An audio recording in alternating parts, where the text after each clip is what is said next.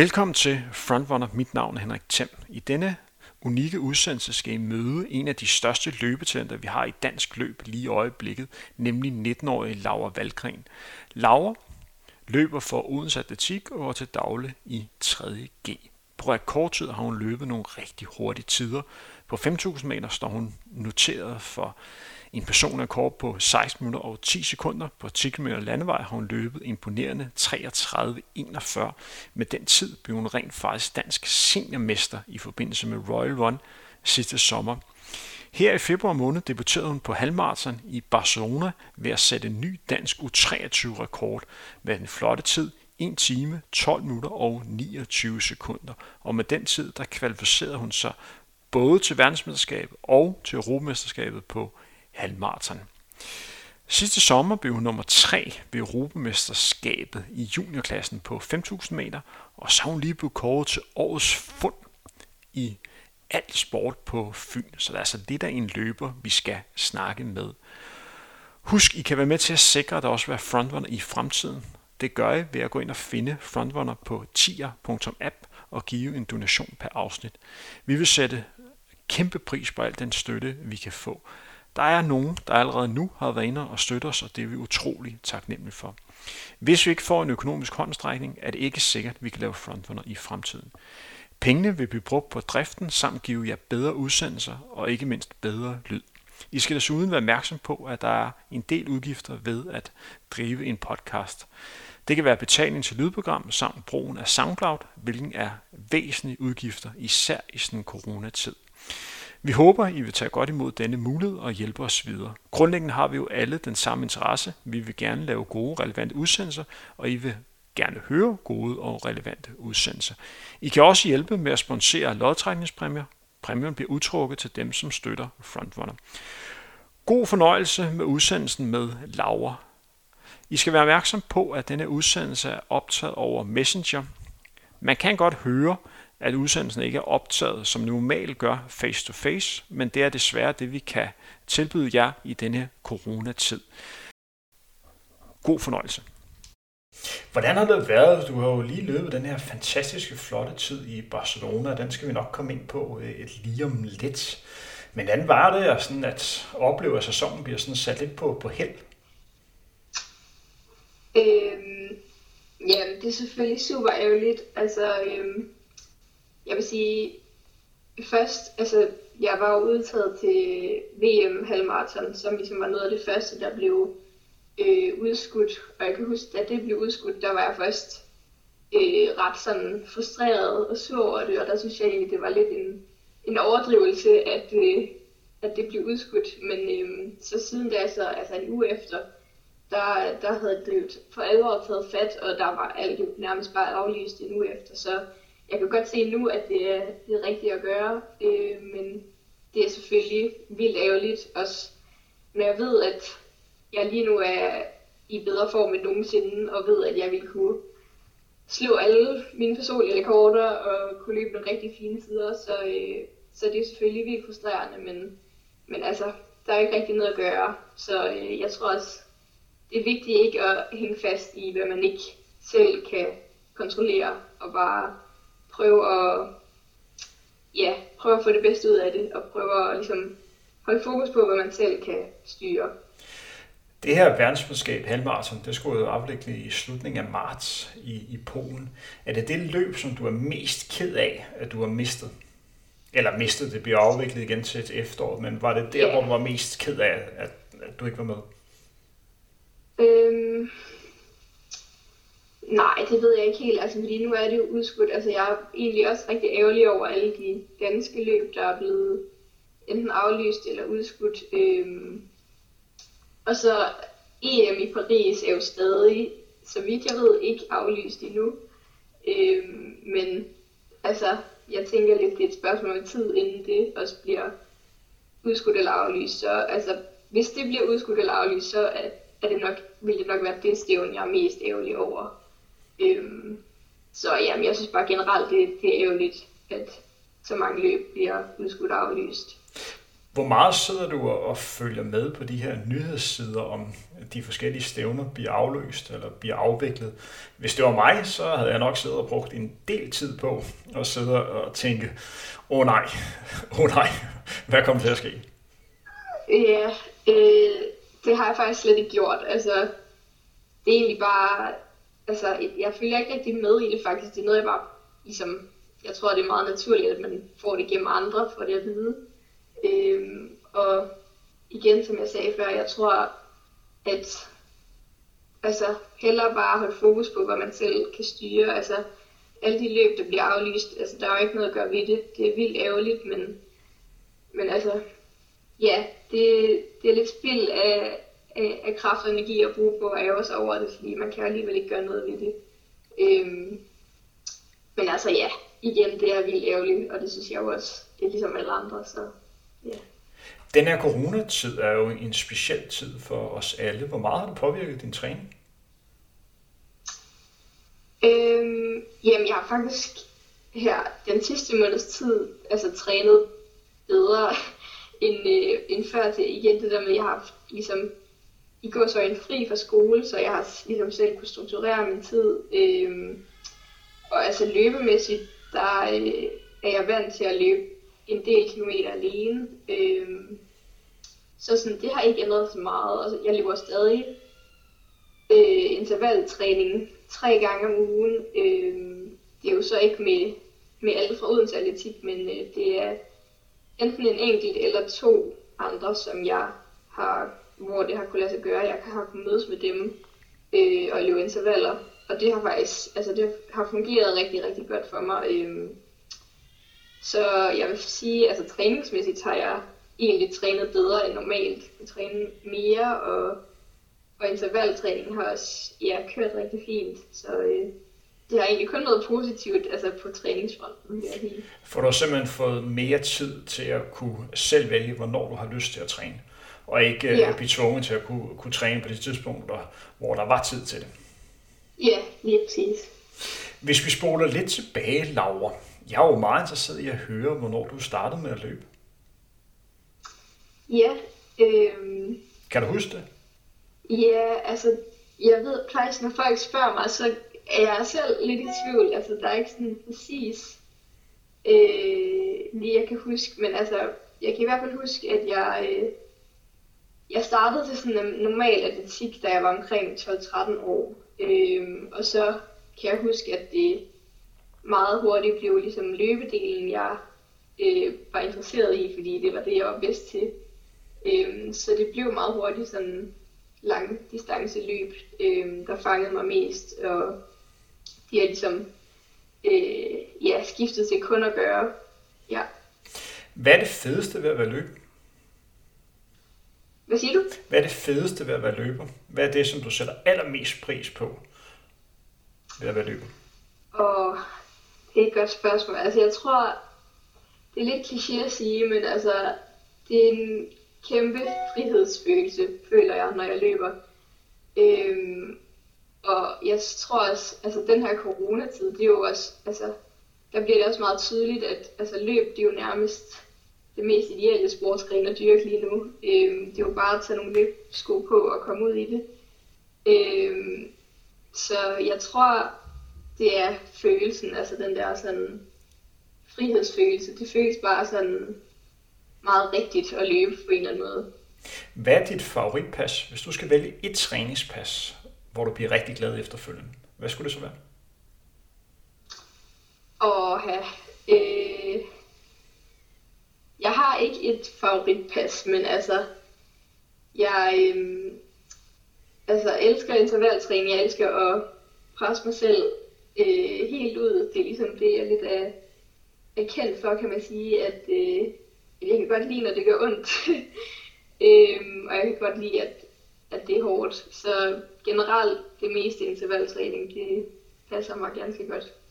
Hvis man sådan kigger på de ting, der er knap så fede at være løber, hvad synes du, der er hårdest ved at være, være løber? Der må være nogle ting, som du synes nogle gange er lidt barsk.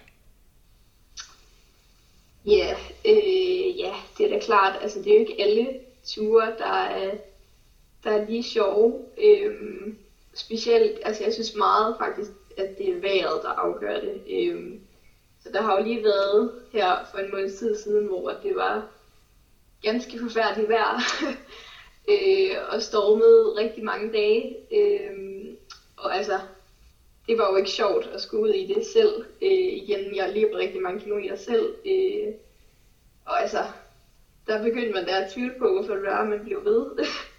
Men øh, ja, man kom jo ud hver dag alligevel, så øh, ja, det er nok også bare et tegn på, at, at man ikke kan slippe løbet, øh, uanset hvor, hvor ikke fedt det er nogle gange.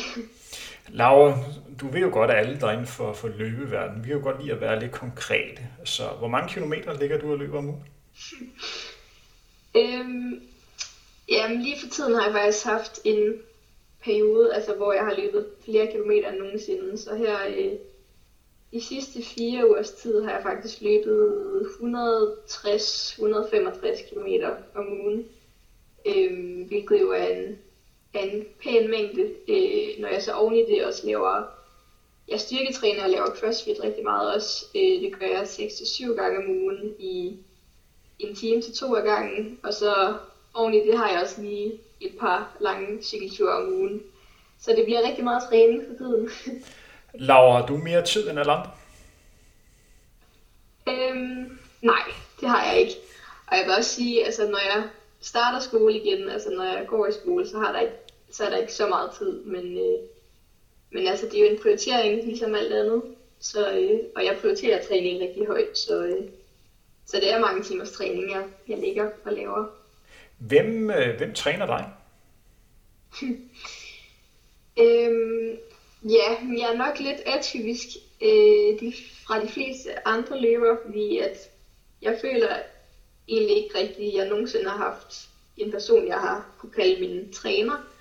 Øhm, jeg er meget, ja, sådan min egen bedste træner, hvis man kan sige det sådan, men altså jeg har egentlig Odense Atletik, der ligesom står for altså styre intervaltræning og sådan, og jeg bruger ham også sådan til at spare med omkring stævner og sådan noget. Øhm, men altså træningsmæssigt står jeg egentlig meget for det selv. Øh, så det er mere sådan, ja igen i forhold til løb og stævner og konkurrencer og sådan noget, at jeg ligesom har en sparringspartner i ham. Øhm, ja, og så er jeg også faktisk her øh, de sidste par måneder begyndt at spare lidt med øh, Thijs, med øh, efternavnet, man ikke kan udtale, øhm, om ja, sådan, hvilke, hvilke løb, der kunne være smart for mig at stille op til og sådan noget. Så jeg har et par sådan, sparringspartner, men jeg vil ikke sige, jeg vil ikke ligesom kalde nogen af dem for mine træner.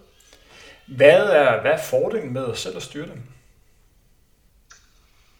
Øhm, jeg tror, fordelen altså for mig, det er nok, at jeg øh, kender min krop rigtig godt. Øh, så jeg er ikke ligesom så god til, hvis, hvis andre har skulle sige, hvad, hvad jeg har skulle løbe og ikke skulle løbe, og ligesom lave et træningsprogram øh, sådan for flere uger ud i fremtiden, fordi at jeg har det sådan lidt, at man kan jo aldrig vide øh, lige præcis den dag, hvordan kroppen føles den dag. Øh, så jeg tager det meget sådan efter, hvordan jeg føler det. Øh, og så tror jeg også, ligesom der er et kontrolelement i, at i selv at styre det, øh, og ligesom stole på min egen intuition om, hvad der er rigtigt og forkert. Øh, ja, det kan jeg godt lide. Så det er nok også derfor, at jeg har svært ved at, at lægge træning i, i hænderne på en anden. Øhm, det har jeg selvfølgelig også øh, overvejet at gøre, men jeg tror, jeg har bare ikke ligesom fundet den person endnu. Øhm, ja. Vil du være bange for, hvis du sådan fik en, en træner, og han simpelthen sagde, prøv at høre Laura, du skal til at træne lidt mindre? Øhm, ja, fordi at vi har ligesom ham, jeg har en i Odense Atletik, øh, lige da jeg sådan startede med ham, der, der var han sådan, prøvede at lave et træningsprogram til mig og sige sådan, og han vidste godt, at jeg trænede rigtig meget, øh, og ligesom sagde til mig, at, eller han foreslog i hvert fald at skære, skære noget ned, øh, og jeg kan jo også godt sådan, jeg ved også godt selv, at, at jeg vil godt kunne få øh, ligesom gode resultater og sådan noget med, med meget mindre træning, end hvad jeg gør. Øhm, men men altså, jeg har rigtig svært ved at, øh, at træne mindre, og det, det ved jeg godt sådan og selv kan være et problem nogle gange, men øh, jeg tror også bare, når jeg ved, at det har, det har jo givet gode sådan, resultater, og sådan, man har jo kunnet se, at, at det har virket på mig i hvert fald, at at kunne holde den store træningsmængde, og også kunne ligesom, ja, holde til det. Øhm, så jeg tror også, det er det, der gør, at jeg ikke har lyst til at skære ned i træningen, fordi ja, jeg har kunnet holde til det. Så, ja. Laura, jeg har jo selv været, øh, hvad kan man sige, eliteløber og også øh, trænet en, en del løber. En af de ting, som jeg slår allermest på, som jeg lige kan høre, om du er enig eller uenig, øh, det er, at jeg synes, det skal være løberen, der dikterer træningen, og ikke træningen, der dikterer løberen. Det er jo også det, du sidder og siger her, er det ikke? Jo, helt sikkert. Øhm, ja, jeg er meget enig. Øh, fordi hvis, øh, hvis atleten ikke har det godt med det, vedkommende skal lave, så det værste er jo, det er jo, at atleten går, går kold i det. Så mister man jo øh, atleten. Og grundlæggende her, resultaterne taler for sig selv. Det går der jo, går der jo rigtig godt. Nogle vil måske argumentere for, at du kan nå de samme resultater med at øh, træne mindre, men det aner vi jo ikke. Faktum er jo bare, at du bliver, du bliver bedre og bedre. Og jeg tror, der er rigtig mange, der bliver imponeret over den her halvmarathon-tid. 1.12.29 dansk 23 rekord. Det er altså rigtig, rigtig hurtigt. Og jeg tror også, at det nogen løber går lidt galt i byen med, øh, det er, at hvis man simpelthen får udleveret et træningsprogram, som er for en måned ude i fremtiden, det er kun for trænerens skyld, man laver det. For løberens skyld er det altså bedst, at du holder det inden for den næste uge. Fordi som løber, der evaluerer dig selv hver eneste, efter hver eneste træningspas. Altså, og hvis man løber en til to gange om dagen, så er der altså mange gange, hvor man kommer hjem og tænker, puh, det var godt, eller det her var skidt. Så for at gøre det så aktuelt som muligt, så er det altså meget godt, at man holder det, øh, hvad kan man sige, kortsigtet. Ellers så kan man nemt ryge lidt for langt væk fra fokus. Hvis ja. vi sådan går, går lidt videre, du nævnte selv, du er også rigtig glad for, for CrossFit. Hvad er det, som CrossFit gør godt for dig i forhold øh, til det at være løber? Ja, øhm, ja, jeg er rigtig glad for at lave CrossFit og styrketræning også. Øhm, jeg tror, at for mig er det en, altså jeg ser det kun som en fordel at også have noget styrke øh, og være stærk. Øhm, og så tror jeg, at Øh, ja, altså selve styrken, det kan man godt ligesom overføre til løbet. Altså det der med også, at jeg kan holde til så meget, det tror jeg også øh, er fordi jeg er så stærk, som jeg er. Øh, og så tror jeg også ligesom, at for at jeg kan blive ved med at holde gejsten oppe på løbefronten, så har jeg brug for også at have noget andet træning. Øh, og noget andet ligesom lidt mere varierende træning. Øh, altså CrossFit, det er jo rigtig mange forskellige ting og mange øvelser og sådan noget, og jeg kan godt lide at være god til, til andet også end at løbe. Øh, så ja, det tror jeg er ligesom fordelen ved det. Jeg bliver nødt til lige at spørge ind til, fordi det her det er jo en, en løbepodcast, og der kan jo være nogen, som ikke helt så meget hjemmebane, når man snakker om CrossFit. Så kan du beskrive, hvad for nogle træningsøvelser du laver, når du laver CrossFit? Åh, ja, altså det er rigtig mange forskellige øvelser, men altså der er ligesom en sådan reel altså styrkedel i det, hvor det er mere sådan traditionelle øvelser som dødløft og squat og bænkpres og varianter af, af det. Øhm, og så er det også ligesom et vægtløftning element, hvor man laver øh, clean and jerk og snatch. øh, og så er der en masse altså andre øvelser, pull-ups og kettlebell-øvelser og forskellige altså, ro og altså alverdens øvelser. Øh, ja, det er lidt svært at forklare, men, men det er ligesom en kombi af, af styrketræning og konditionstræning og et gymnastikelement. Øh, gå på hænder og øh, lave push-ups på hænderne og ja, alverdens ting. Hvordan fordeler du øh, CrossFit i forhold til øh, din løbetræning? Når du laver så mange gange CrossFit om ugen, så må du også lave CrossFit de dage, du har intensiv træning. Er det ikke korrekt forstået? Jo, det er det. Øhm, det kan være lidt en udfordring, i, altså når jeg er i skole også, fordi at det bliver nogle gange så i forlængelse af hinanden, at jeg laver, øh, at jeg løber og laver CrossFit. Øh, men altså for eksempel her i her den sidste måneds tid, hvor jeg ligesom selv har kunne øh, tilrettelægge, hvornår jeg vil gøre hvad, så har jeg typisk øh, haft et løbepas om formiddagen, og så laver jeg øh, ja, crossfit og styrketræning eller cykler øh, om eftermiddagen, så jeg ligesom fordeler det ud i løbet af dagen. Synes du generelt, at øh, vi løber laver for lidt styrketræning? Ja, det korte svar er ja. Øhm, det synes jeg, altså jeg kan godt se, øh, altså det der med, at hvis man har en meget stor mængde, at det er svært at få passet ind også. Øhm, fordi at jeg tror også som mange andre, at hvis man vil være god til at løbe, så skal man primært løbe. Øhm, men jeg tror, ja, jeg synes generelt, at løbere laver for lidt styrketræning øh, og er for svage i forhold til, hvad de kunne være. Og jeg tror, ja, at mange vil have en fordel i at, at blive lidt stærkere. Hvor rent løbemæssigt kan du mærke, at du får en fordel af at lave det her crossfit-træning? Kan du mærke, at du simpelthen kan holde til, til mere træning? Kan du for eksempel mærke det, når du løber crossløb, at du simpelthen undgår at falde sammen i hoftestrukturen, som mange gør, når man løber crossløb? Kan du mærke, det giver dig noget der? Øh, ja, altså det, det vil nok være de to ting, jeg vil nævne. Altså primært sådan med træningsmængde og kunne holde til, nu for eksempel, hvor jeg løber mange kilometer og kunne holde til de mange kilometer, øh, der tror jeg helt sikkert, at det er, altså, er en fordel at have den styrke, jeg har. Og så også igen, ja, crossløb.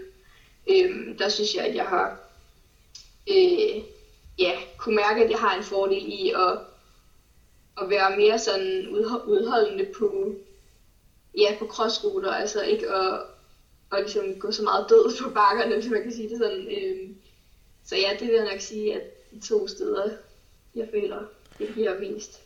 Nu har jeg jo været inde lidt og, og, og kigge lidt på din, på dine sociale profil. Sådan, de kalder mig stalk.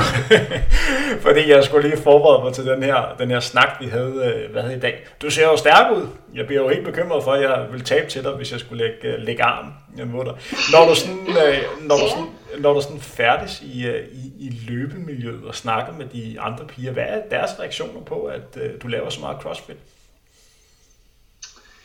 Øhm, jamen, altså generelt så synes folk, at det er fedt og sejt, at jeg også ligesom, ja, igen det der, som jeg sagde før med, at jeg kan noget andet end at løbe. Øhm, og jeg tror også, at mange synes, det er fedt, at jeg ligesom lidt går min egen vej i den her, altså i den her løbeverden, og ikke, øh, ja, kun løber. Øhm, så altså, jeg har kun mødt sådan positive holdninger til det. Hvis du skulle sammenligne dig selv med en anden løber, hvem skulle det så være? Åh, ja. Findes der sådan en løber? Øhm, det ved jeg faktisk ikke. Så, så kan jeg stille, stille andre spørgsmål. Hvad for nogle løber bliver du mest fascineret af? Er der nogle løber, du ser op til?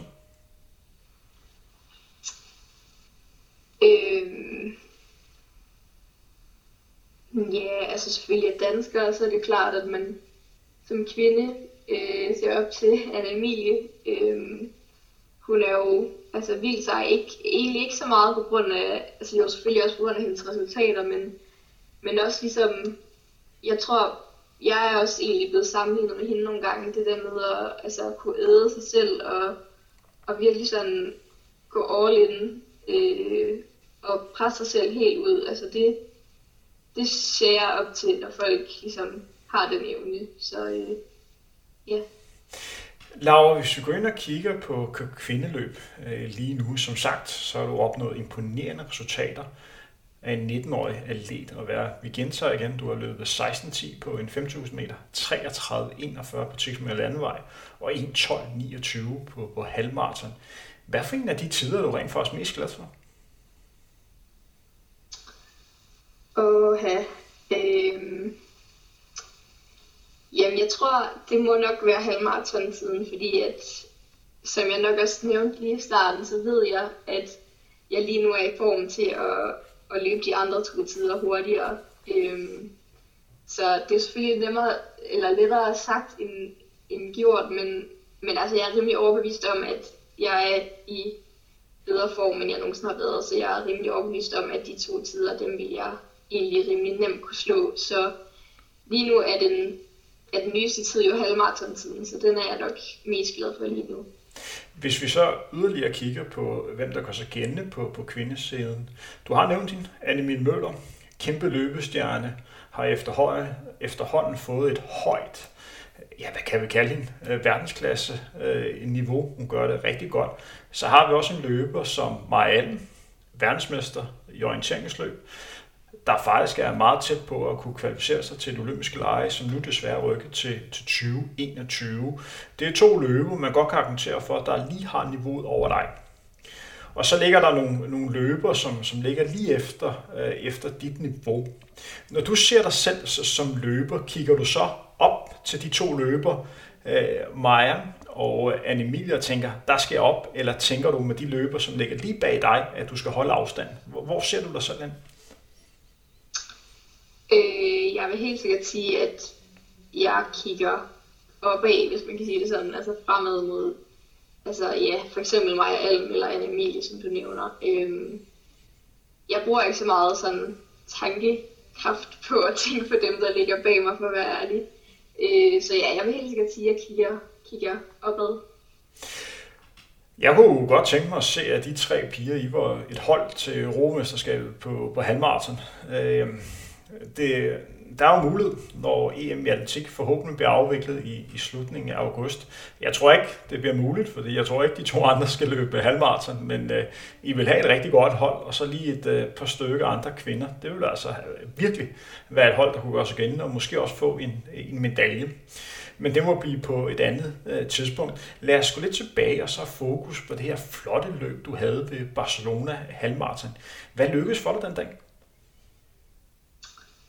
Oha, øh, jamen, det hele lykkedes jo egentlig, kan, hvis man kan sige det sådan. Altså, jeg havde, jeg havde trænet fint op til, og øh, altså, følte mig egentlig i god form, og så havde jeg ligesom en, en pacer på til at holde tempoet sådan nogenlunde. Øhm, og altså, det føles egentlig bare godt hele vejen igennem. Altså, jeg havde ikke sådan egentlig de store kriser eller noget. Øhm, og så løb jeg de sidste par kilometer alene, og det, det gik jo egentlig også fint. Altså. Så jeg følte mig rimelig sådan overskudsagtig hele vejen, altså så meget som man nu kan føle sig overskudsagtig på et halvmarathon, men, men altså det, det føles virkelig godt, øhm, og ja, jeg er jo selvfølgelig utrolig glad for den tid, jeg endte med, så øh, det var vildt fedt at prøve. Har du regnet med, at du kunne løbe så hurtigt? Øhm, for at være ærlig, ja, det havde jeg egentlig. Altså, mit mål var egentlig bare at komme under, under VM og EM-kravet på 1.14. Øhm, selvfølgelig, jeg vidste, at det, altså, jeg både over, vil jeg sige, fordi jeg, altså, jeg synes også, det lød hurtigt at skulle holde den pace hele vejen, men, men jeg var egentlig rimelig overbevist om, at, at jeg godt kunne. Øhm, så ja.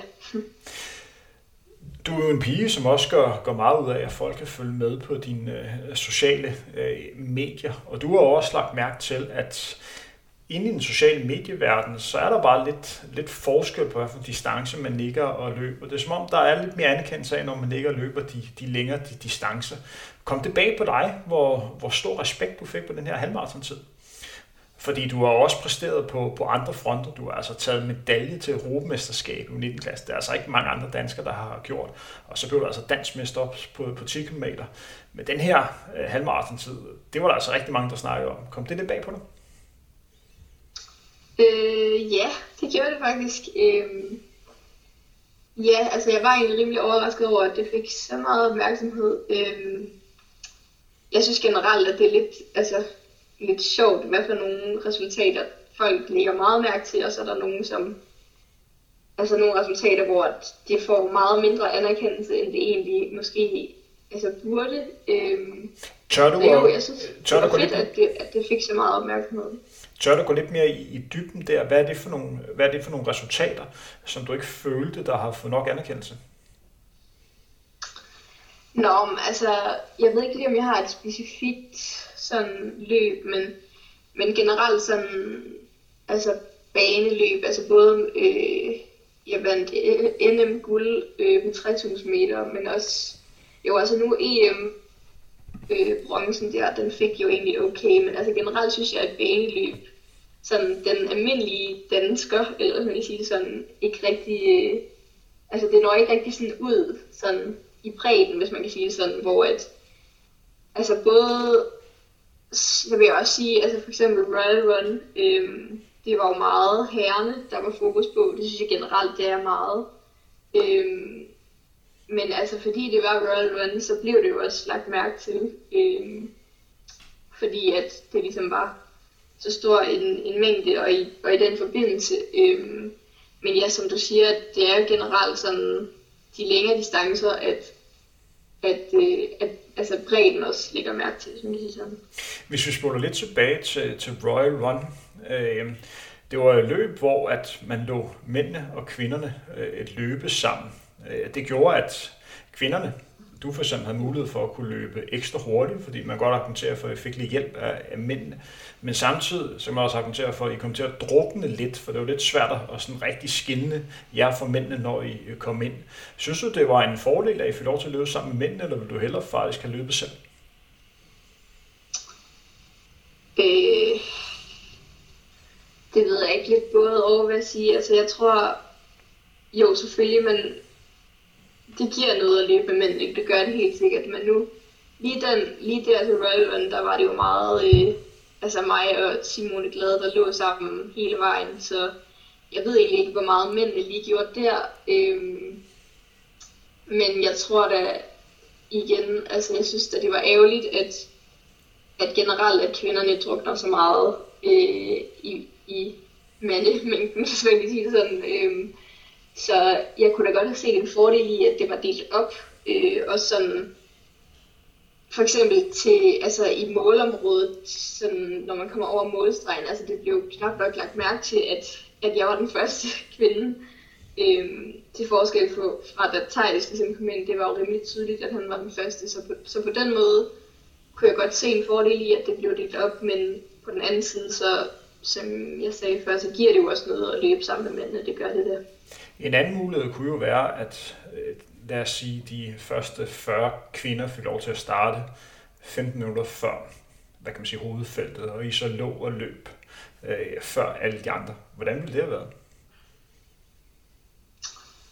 Øh, ja, øh, det ved jeg ikke. Altså igen, jeg, jeg tror, det altså, kunne være en fordel i og med, at det så også ligesom vil give større opmærksomhed på kvindefeltet. Øhm, så jeg tror det helt sikkert, det kunne være positivt. Øhm, men igen, altså tidsmæssigt, der tror jeg, at man får mere ud af også at ligge med, med mændene. Øhm, så der er jo fordele og ulemper ved begge, begge dele, men, men altså jo, jeg tror da helt sikkert, at jeg ville have, øh, have synes, det var federe egentlig.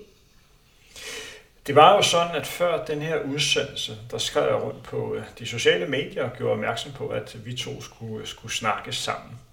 Vi kommer til øh, nogle af spørgsmålene senere. Der var nogle, som jeg allerede havde forberedt, at jeg skulle, skulle stille dig. Der var et spørgsmål, der kom rigtig meget, og det havde jeg også allerede skrevet ned, at jeg skulle spørge dig om. Du får det nu her. Er du en fremtidig maratonløber? øhm, ja, det er Øh, jeg vil sige, at det er faktisk først her øh, den sidste måneds tid, jeg sådan egentlig er begyndt at tænke mere og mere over det. Jeg tror, det har været i takt med faktisk, da, øh, da vi fik beskeden om, at OL var rykket til 2021, der begyndte jeg der at lege lidt med tanken om, at det kunne da være spændende at se, om jeg kunne prøve, øh, prøve et maraton af, og se, om jeg kunne komme med der. Øhm, men altså inden da har det egentlig ikke været noget, jeg har tænkt, jeg, jeg ville sådan nu her øh, sådan lige forløbig, øh, men at det måske ville komme om et par år, men, men jeg har da helt sikkert fået blod på tanden efter mit halvmarathon, øh, så nu må vi se. Hvis du skulle prøve at kvalificere dig til OL på, på maratondistancen, for vi skulle ind og kigge på, hvad det kræver at komme til OL. På maraton, så enten er der det her ranglistesystem, men så skal du løbe en tid som omkring den, den danske rekord, som er 2.29. Hvis man går ind og kigger på din halvmarathon-tid, 1.12, hovedregning, det giver måske en maratontid på 2.32 eller sådan noget, så helt urealistisk er det jo ikke, at du kan nærme dig den her tid. Det er vel det, der gør, at du, du tænker på det? Ja, helt sikkert. Altså, øh, den eneste grund til, at jeg tænker på maratondistancen lige nu, det skulle være udelukkende for at prøve at komme til OL. Øh, ellers så ville det, altså hvis det ikke skulle være for det, så ville jeg nok vente nogle år, øh, før, før jeg ville prøve den distance af. Øh, så ja, det skulle helt sikkert være for at prøve at altså, satse på at komme med til OL. Det, for vi, kan, det være, ja. for vi kan også lige nævne, at vi skulle ind og kigge på de andre øh, distancer. Jeg mener på, på en femmer, for at være direkte kvalificeret. Er det ikke 15-15, øh, den hedder? Så er der sådan noget, noget rangliste, som blandt andet Maja Alm, hun ligger og, og kæmper med. Og øh, 10.000 meter, det er vel 32 et eller andet for at kunne, kunne komme med. Det er vel den, der er ja. mest sandsynlig, hvis man skulle, skulle nævne en anden distance. Ja, helt sikkert. Hvor meget fylder den her OL-drøm for dig? Øhm, jamen, den, altså, jeg er nok igen lidt atypisk andre løber. Jeg har egentlig aldrig rigtig haft sådan en drøm om at komme til OL. Det er i hvert fald aldrig noget, jeg sådan har, har sagt højt, at det, det var målet.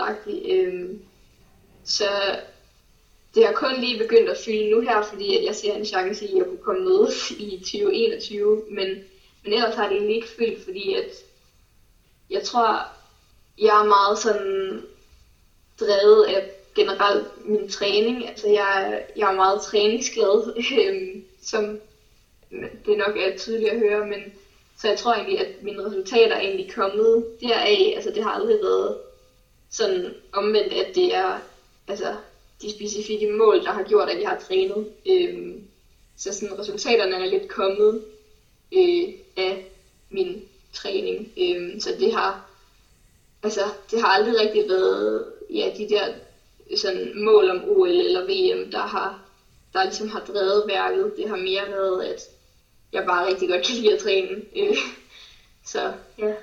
Du er jo meget altid som atlet. Du har jo præsteret både på banen og til cross og så på landevej. Hvis du så skulle rangere de tre ting, ikke ud fra hvor du er bedst, men ud fra hvad du synes der er sjovest. Hvad skulle være på tredjepladsen her? Og have, øh,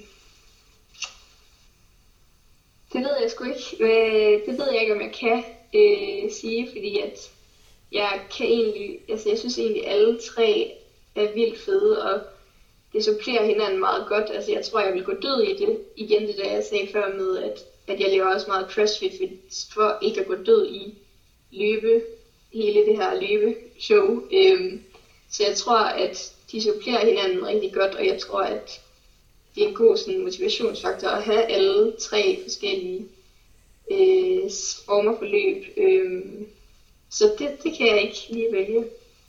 Vi har jo snakket om et par gange, men det er jo nærliggende, som du selv nævner, at lave den her sammenligning med Anne-Mille Møller. Nogle vil måske også lige frem mene, at I måske ligner lidt hinanden i måden at øh, løbe på. Det her spørgsmål skal forstås på, på den rigtige måde.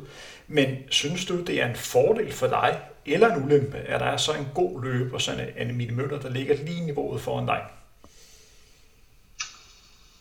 Øhm, altså, jeg synes, det er øh, lidt begge dele. Altså, jeg ser det som en fordel, fordi at det er jo lidt øh, for mig kan være ligesom en måde at ligesom jagte det på, altså at jeg også gerne vil, vil prøve at nå det, det niveau, men øh, på den anden side, så kan man sige, at det har været lidt en ulempe, fordi at det er jo meget hende, der, øh, hende, der får alt, alt shine, hvis man kan sige det sådan. Øh, så altså, når man ser på min alder nu i forhold til, da hun var min alder for eksempel, så altså, har jeg også sådan rimelig højt niveau. Øh, ja, hvis man sammenligner med, da hun var den samme alder som mig, så men det, at hun jo så i dag er så meget bedre, det gør jo også, at, at hun tager meget fokus, og det er jo, øh, det er jo selvfølgelig, øh, altså, det er jo selvfølgelig godt, altså, det, øh, det, skulle, det burde ikke være mindre overhovedet, men, men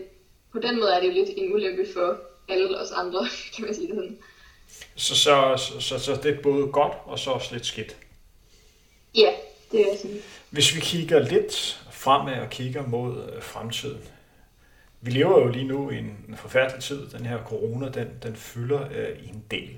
Og der er ikke rigtig nogen, der ved, hvornår banesæson eventuelt starter, eller om den bliver helt aflyst.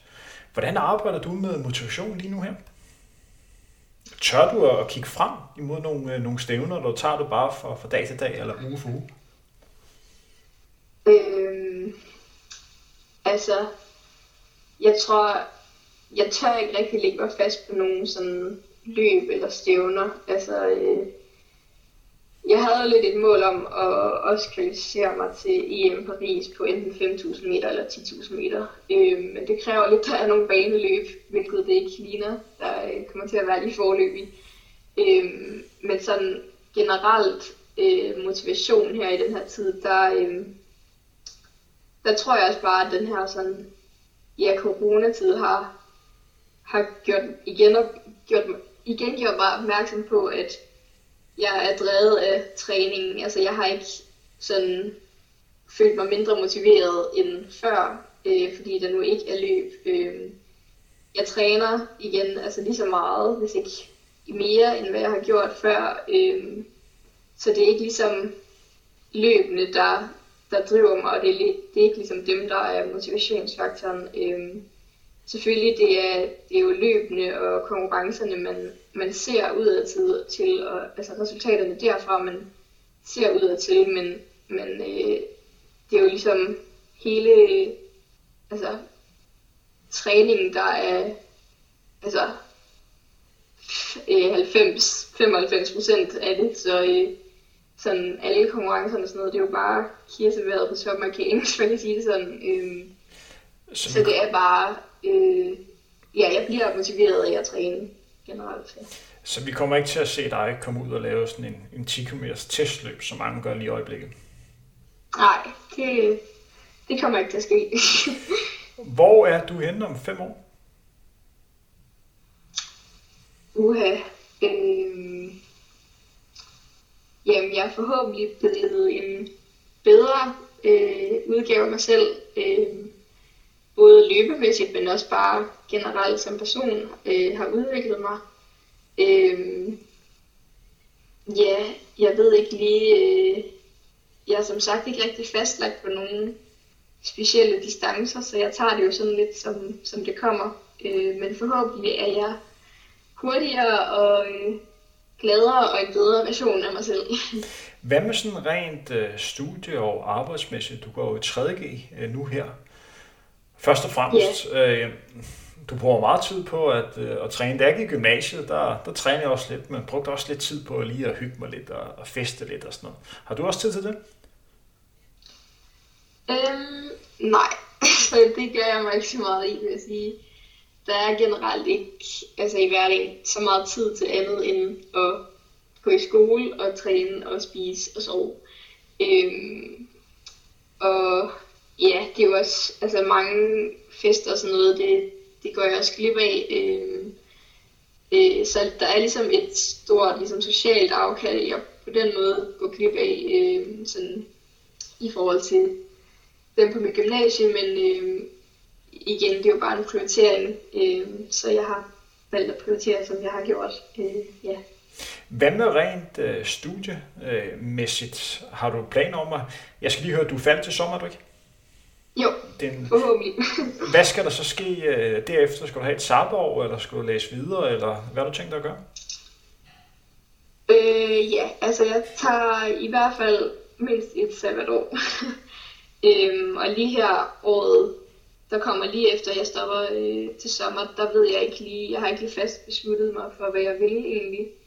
Øh, det tror jeg lidt sådan, jeg tager som det kommer. Øh, og så har jeg Altså jeg har fået en del tilbud fra, øh, fra USA med, med forskellige scholarships øh, på universiteter.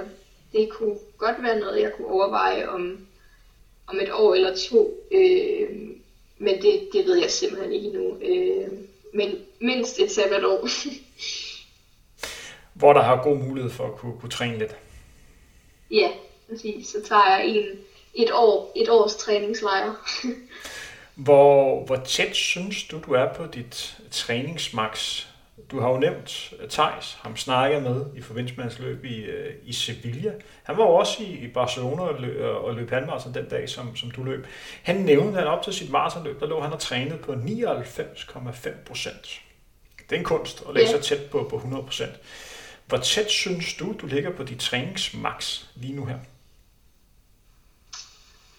Okay, altså ja, lige nu der øh, har jeg som sagt rimelig stor mængde. Øhm, jeg kan også mærke, at den her tid, det gør, at jeg kan holde til mere det der med, at man kan, man kan sove ud om natten og sådan noget, og ikke har andet end træning. Øhm, men altså, ja, med den mængde, jeg har nu, der vil jeg sige, at jeg ligger, der, altså, jeg ligger generelt altid på de der 90-95 procent. Øhm, så det er tit meget tæt på, på max af, hvad jeg kan holde til. Øhm, så det er jo også svært nogle gange at finde den der grænse, øh, og lige kunne afbalancere det, så man ikke bliver, bliver skadet. Øh, så det er svært nogle gange at, at, at kunne styre det.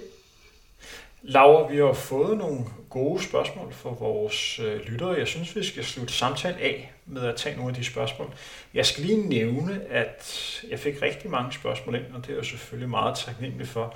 Mange spørgsmål har vi allerede gennemgået, men der er jo lige nogen, som du ikke har svaret på. Er du klar til spørgsmålene? Ja, det er jeg. Har du nogle bestemte rutiner for et løb? Før et løb? Før et løb, ja. Øhm, der var jo nogen, der var nogen, der gjorde opmærksom på, som jeg også fik bekræftet, da jeg sådan kiggede på billedet, at du har jo rimelig langt hår. Altså, der må være lidt uh, arbejde i lige at, at gøre det klar, når man skal ud og, ud og løbe. Ja, det er rigtigt. Jamen, det, jo, når du, når du lige når du nævner det, det, altså jeg sætter det altid på samme måde, men øh, jeg vil ikke rigtig sige, at det er en, ligesom ritual før mit løb. Det er egentlig bare, altså det tager 30 sekunder, så er det op. Øhm, så det ser jeg ikke rigtig som noget, jeg ligesom skal gøre før et løb. Øhm, og det har jeg generelt ikke. Jeg har ikke ligesom sådan nogle små ting, jeg skal gøre inden et løb. Øh, nej, det har jeg ikke. Lad os gå videre til det næste spørgsmål. Hvor meget tænker du på, på mad og hvile? Hvordan sikrer du, dig at få spist nok? Du har brug for en masse næring, når du træner så meget. Ja, øh, ja altså i forhold til, til mad, så, så er ligesom det vigtigste igen, som du også siger, det er bare at få nok mad, fordi altså, med den mængde, jeg træner, så kræver det også rigtig meget mad. Øh, jeg tror også, at hvis folk så, hvor meget jeg jeg indtager på en dag, så vil de nok også blive lidt overrasket. Øhm, men altså, jeg spiser generelt ret sundt mad. Øhm, jeg kan rigtig godt lide sund mad også, så det er ikke rigtig et stort problem. Øhm, men der er heller ikke nogen fødevarer, der overhovedet er udelukket. Øhm, så jeg er overhovedet ikke fanatisk på nogen måde. Det, øhm, ja. det er jo sådan, at dem, der sådan normalt dyrker meget crossfit, der er jo en del af dem, der er sådan lidt kulhydratforskrækket. Er du også kulhydratforskrækket? Det er jeg bestemt ikke, nej. Øhm, altså, jeg ved, at som løber, så kræver det rigtig mange kulhydrater, øh, og det er ligesom også det, man løber bedst på, så øh, det er jeg bestemt ikke, nej. Så, så, så du spiser alt? Ja, det gør jeg. Øh, og jeg tror, at det er ret vigtigt som løber ikke at være kulhydratforskrækket, og ikke at, altså, og ikke at udelukke udelukke nogen fødevarer. Der er mange, der automatisk tror, at fordi jeg er en altså, sådan en god løber, altså også for eksempel fra min gymnasie, der tror, at jeg ikke spiser kage og ikke spiser is og alle sådan nogle ting, men altså, det er jo netop de ting, der nærmest er, altså, er vigtige for mig at spise, fordi der er en stor ligesom, energitæthed i de fødevarer, så altså, det hjælper mig at kunne spise de ting også. Så, øhm, så nej, der er ikke noget, der er fuldt det sidste spørgsmål, der kan næsten gætte mig til, hvad du kommer til at svare her, men der er en, der spørger om, om du holder mindst en hvile om ugen. Nej, det gør jeg ikke. Øhm, ja, det burde jeg gøre, og det ved jeg også godt. Altså, den, det ville nok egentlig gavne mig at gøre det, men øh, det, det er jeg ikke så god til. Altså, jeg vil sige, jeg har jeg prøver at have en dag, hvor jeg træner lidt lettere end andre dage. Øhm, men helt, helt at holde fri, det, det er jeg altså ikke god til. Nej, det har jeg ikke. Laura, vi har været hele vejen igennem. Hvordan har det været at være med i en podcast udsendelse? det har været vildt fedt. Det er sjovt at prøve i hvert fald. Er der nogle ting, som du ikke synes, vi har kommet ind på? Er der nogle ting, som du brænder til at, at komme ud med? Øh, nej, jeg synes egentlig, vi havde været fint rundt. Så det er der ikke nej. Så vil jeg gerne sige tak, fordi du har lyst til at være med. Og, tak fordi jeg måtte. Og tak til jer, som har lyttet med. Vi høres ved ingen længe.